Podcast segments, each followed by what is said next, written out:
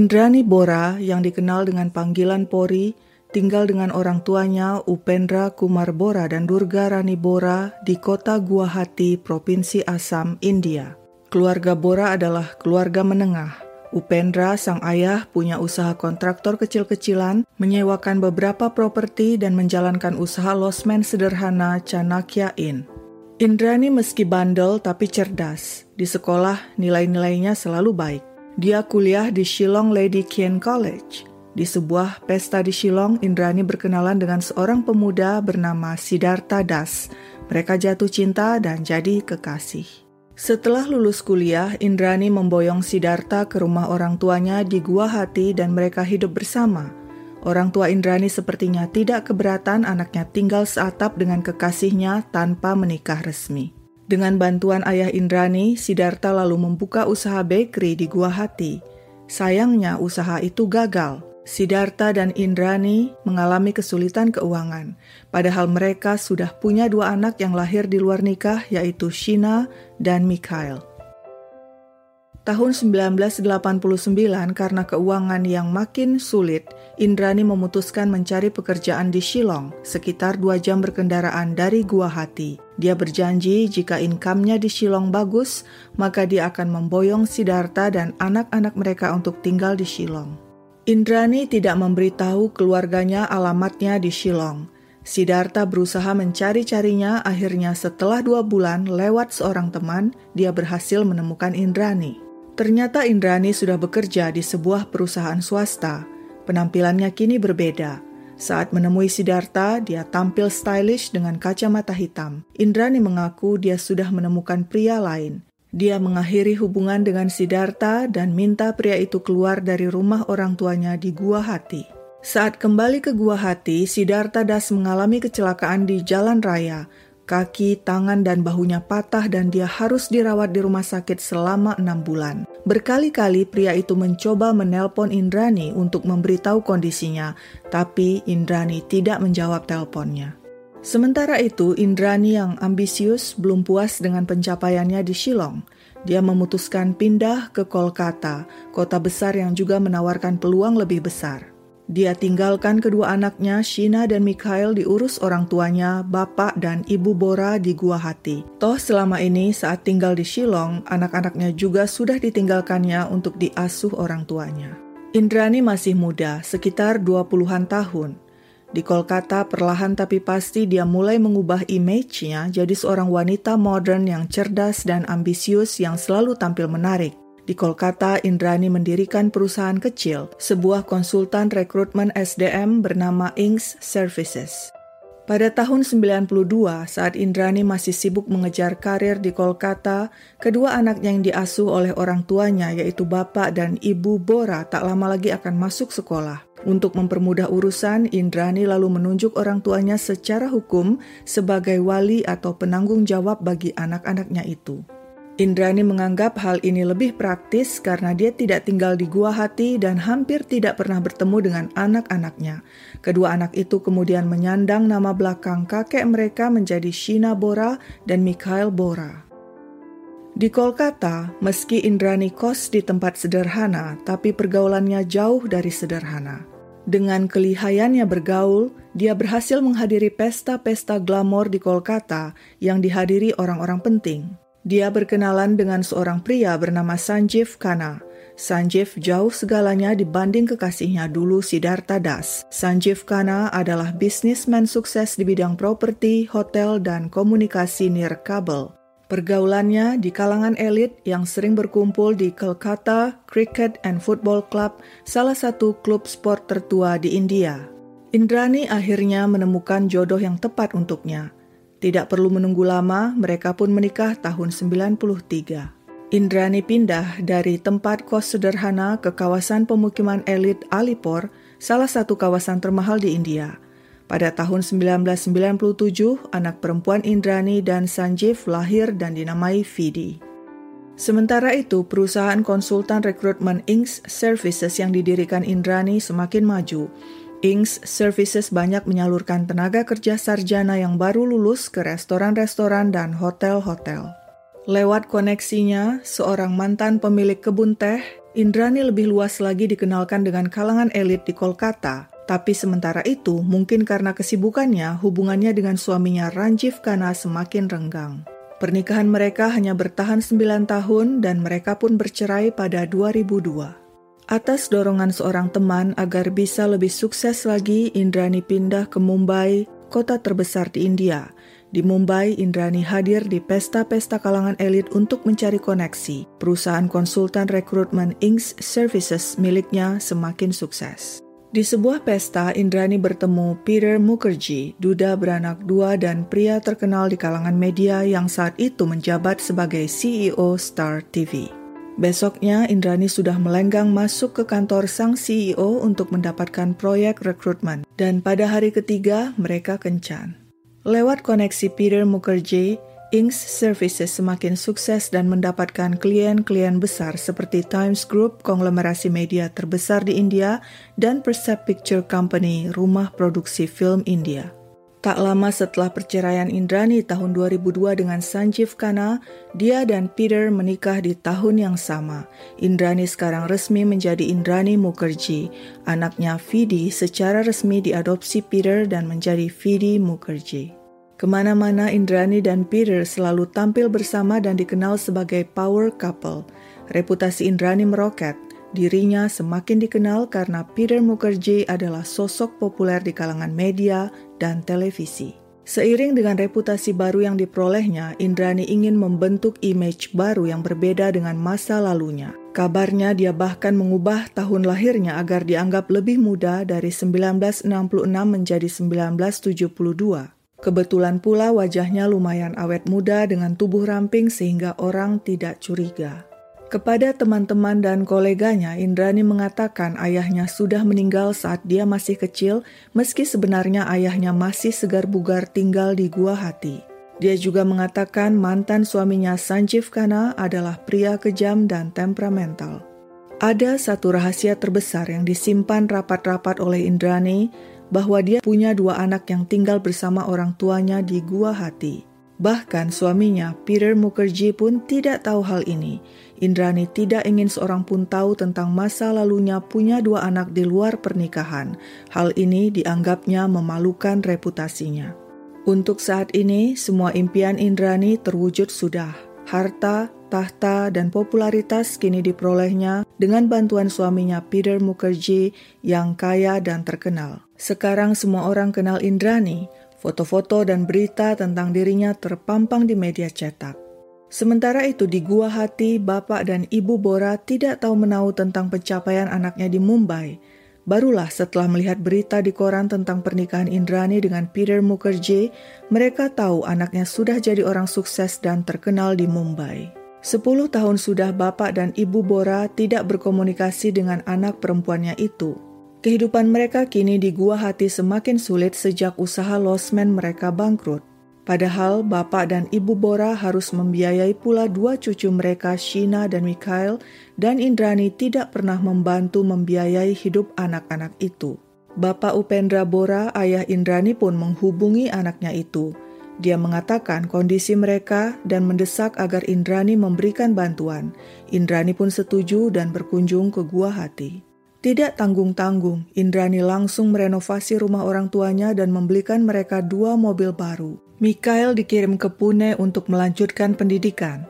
Kepada Shina, Indrani mengatakan, boleh ikut dirinya ke Mumbai untuk kuliah, dengan catatan Shina tidak boleh mengatakan dia adalah anak kandung Indrani. Shina harus mengaku sebagai adik tiri Indrani. Shina setuju, dia membayangkan betapa bahagia dirinya tinggal bersama ibu kandungnya, meski dia harus menyimpan rapat-rapat kebohongan besar, tidak masalah.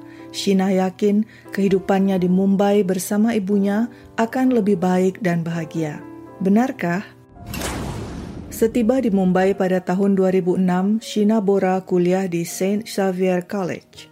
Dia tinggal di kediaman Indrani dan Peter Mukherjee di Marlow Apartemen yang luasnya hampir mencapai 300 meter persegi.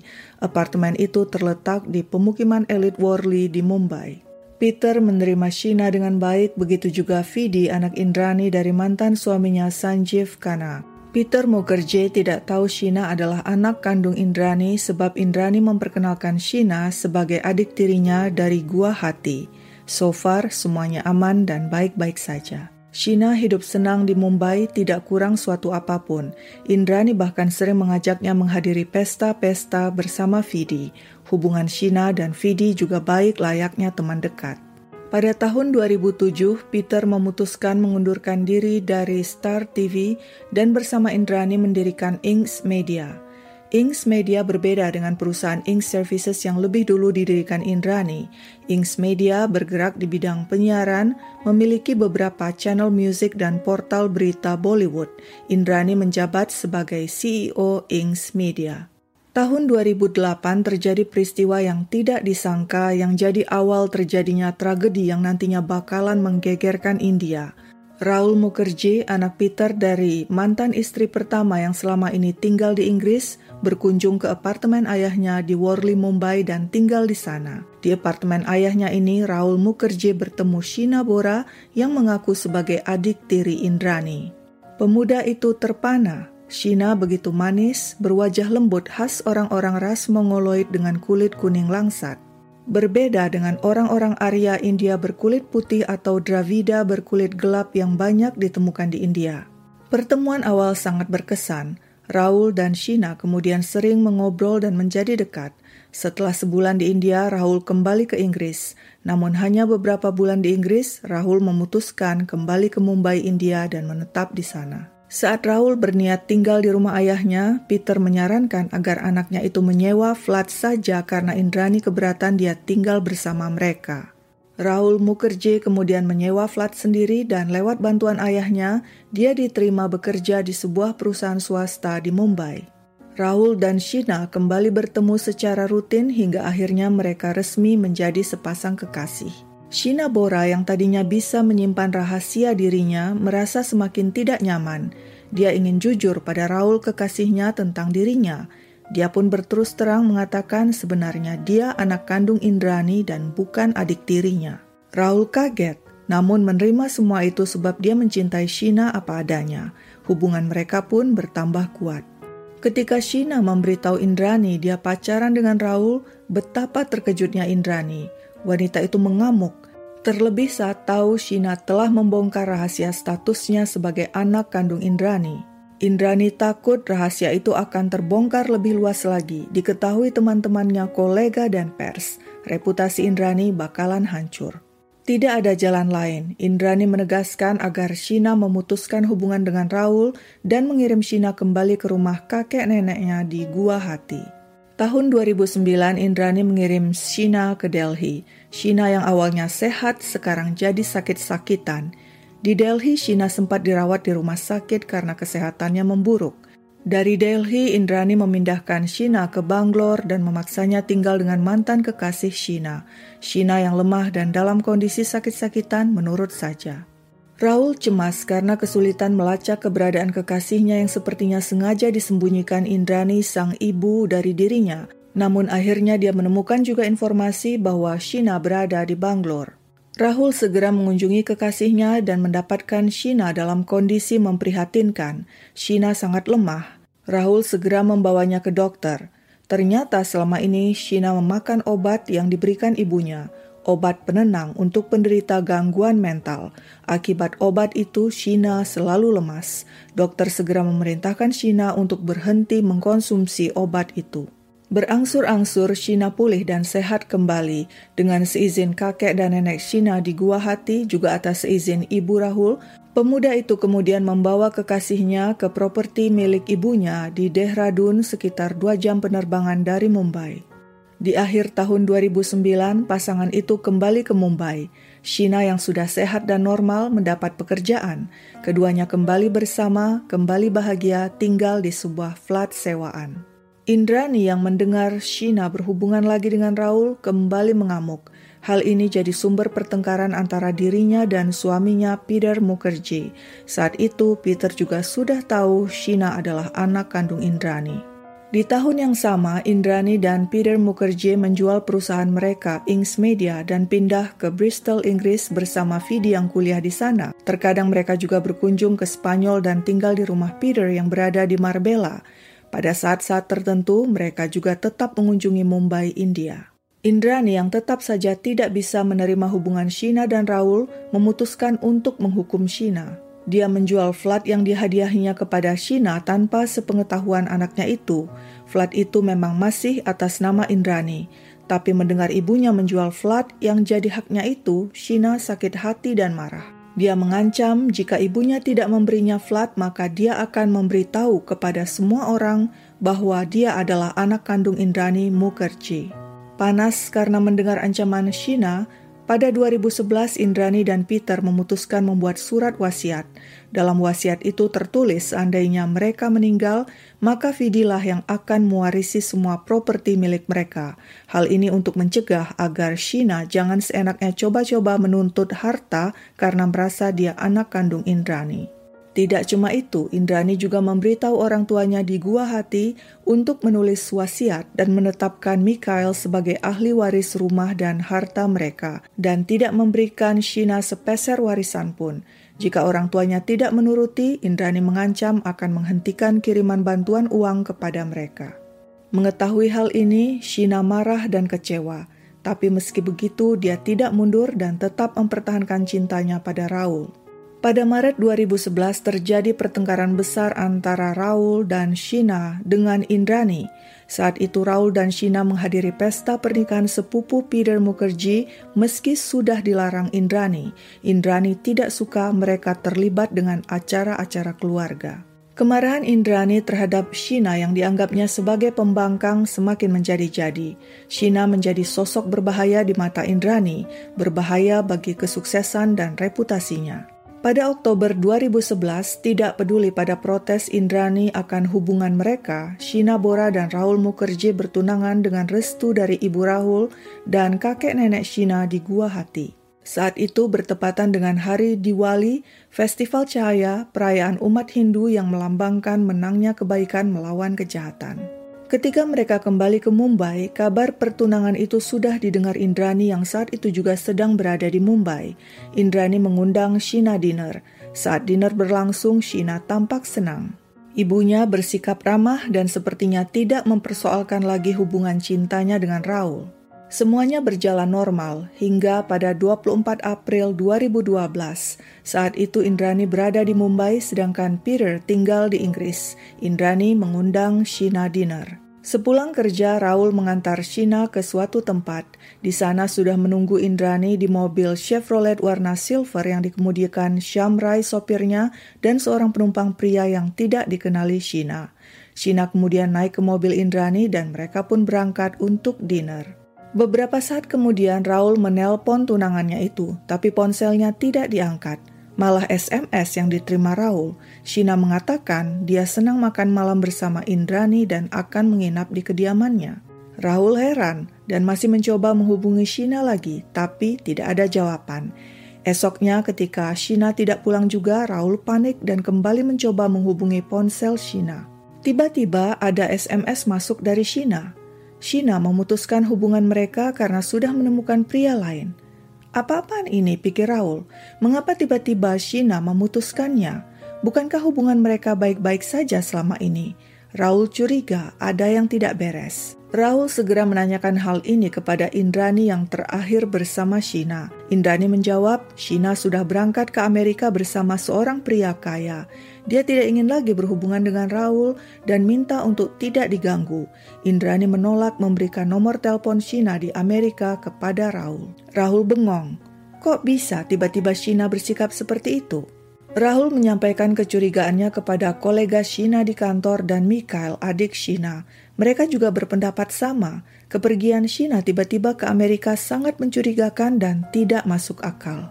Akhirnya Raul bersama Mikal Bora, adik Shina, melaporkan hilangnya Shina ke polisi. Polisi Mumbai mencoba menghubungi Indrani, tapi saat itu dia berada di Gua Hati. Setelah itu, polisi tidak menindaklanjuti laporan Raul. Polisi menganggap laporan Raul hanya kasus pribadi karena Raul kesal ditinggalkan tunangannya begitu saja. Pada 23 Mei 2012, hampir sebulan setelah hilangnya Shina Bora, penduduk kampung Gagode Budruk mencium bau busuk yang datang dari arah hutan. Di sana mereka menemukan sebuah koper berisi beberapa bagian tubuh wanita yang sudah membusuk. Polisi pun dipanggil dan segera mengamankan penemuan itu. Hasil forensik tidak bisa menentukan siapa jasad itu. Polisi lalu menunggu beberapa hari apakah ada pihak keluarga yang mengklaim jasad itu, tapi tidak seorang pun yang datang mengklaim hingga jasad itu kemudian dikuburkan. Sementara itu, Raul yang kehilangan tunangannya Shina Bora perlahan menyerah dan hanya bisa pasrah. Dia tidak tahu lagi ke mana harus mencari Shina. Tahun 2012 berlalu begitu saja. Demikian juga tahun 2013 dan 2014, tidak ada satupun kabar dari Shina.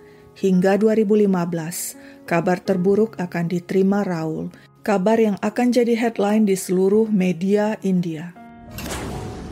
Pada 2015, polisi menerima informasi dari seorang yang dirahasiakan identitasnya.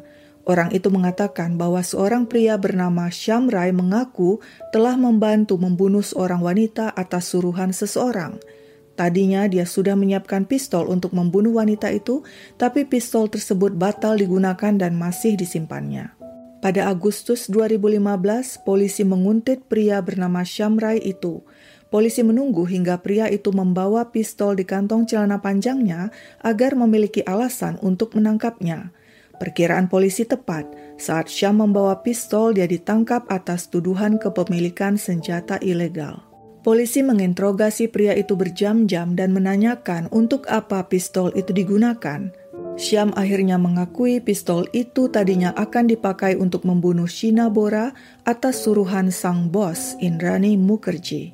Menurut Syam, Indrani merancang semuanya.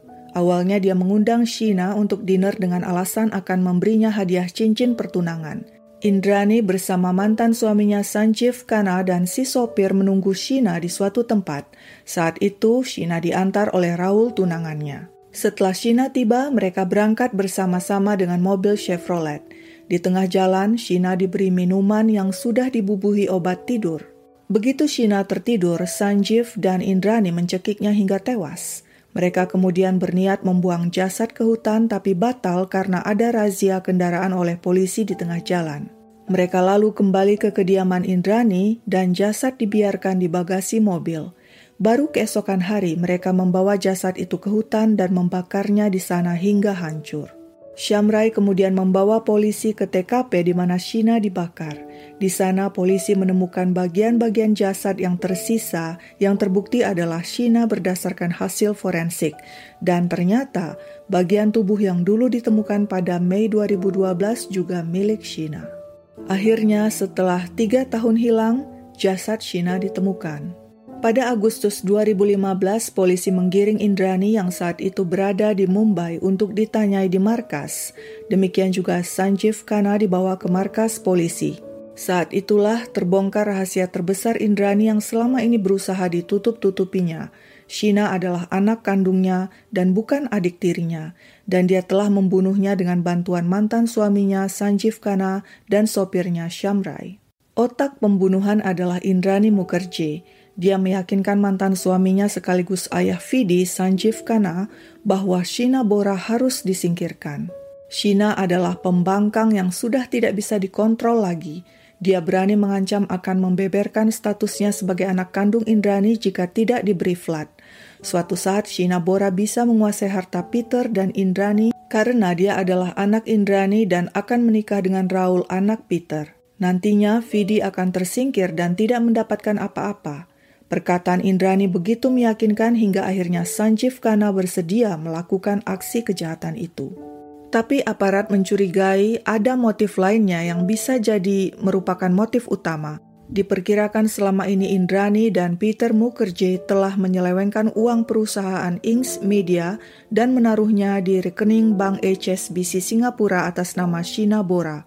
Untuk menguasai uang ini dan membungkam Shina agar tidak melaporkan hal ini kepada polisi, tentu saja Shina harus disingkirkan. Peter Mukherjee meski saat pembunuhan berada di Inggris kena apesnya juga. Dia ikut diseret ke kantor polisi. Polisi meyakini Peter mengetahui rencana menghabisi Shina Bora. Indrani Mukherjee, Sanjeev Khanna, dan Peter Mukherjee mendekam di penjara sejak 2015. Begitu lamanya proses kasus ini sehingga sampai tahun 2020 ini sidang belum selesai juga. Si sopir Syamrai diubah statusnya dari tersangka menjadi saksi dan bekerja sama dengan aparat untuk memberatkan Indrani Mukherjee. Pada saat merebaknya pandemi COVID-19, Indrani mengajukan pembebasan sementara karena khawatir akan terkena virus yang sudah menyebar di penjara, tapi pengajuan pembebasan sementaranya ditolak pengadilan. Peter Mukherjee juga mengajukan pembebasan sementara karena dia menderita penyakit jantung dan sudah melakukan operasi bypass jantung. Pengajuan pembebasan sementara disetujui oleh pengadilan. Indrani dan Peter Mukherjee yang selama ini dikenal sebagai pasangan romantis sudah bercerai di penjara pada 2018 lalu. Harta Gonogini dibagi dua berupa properti di India, Spanyol, dan Inggris, juga termasuk rekening bank di India, Spanyol, dan New Zealand. Kasus penuh intrik dan drama keluarga ini meledak menjadi berita paling populer di India saat itu. Bayangkan saja Indrani Mukherjee wanita terkenal, pengusaha sukses, mantan CEO Inks Media, istri dari Peter Mukherjee orang terkenal di dunia media melakukan kejahatan brutal bersama suami dan mantan suami. Jangan heran kalau film dan drama Bollywood sering kali menampilkan kisah penuh intrik dalam keluarga, karena kenyataannya kejadian seperti itu benar-benar ada dalam kehidupan keluarga India. Sekian dulu ceritaku, sampai jumpa di cerita lain.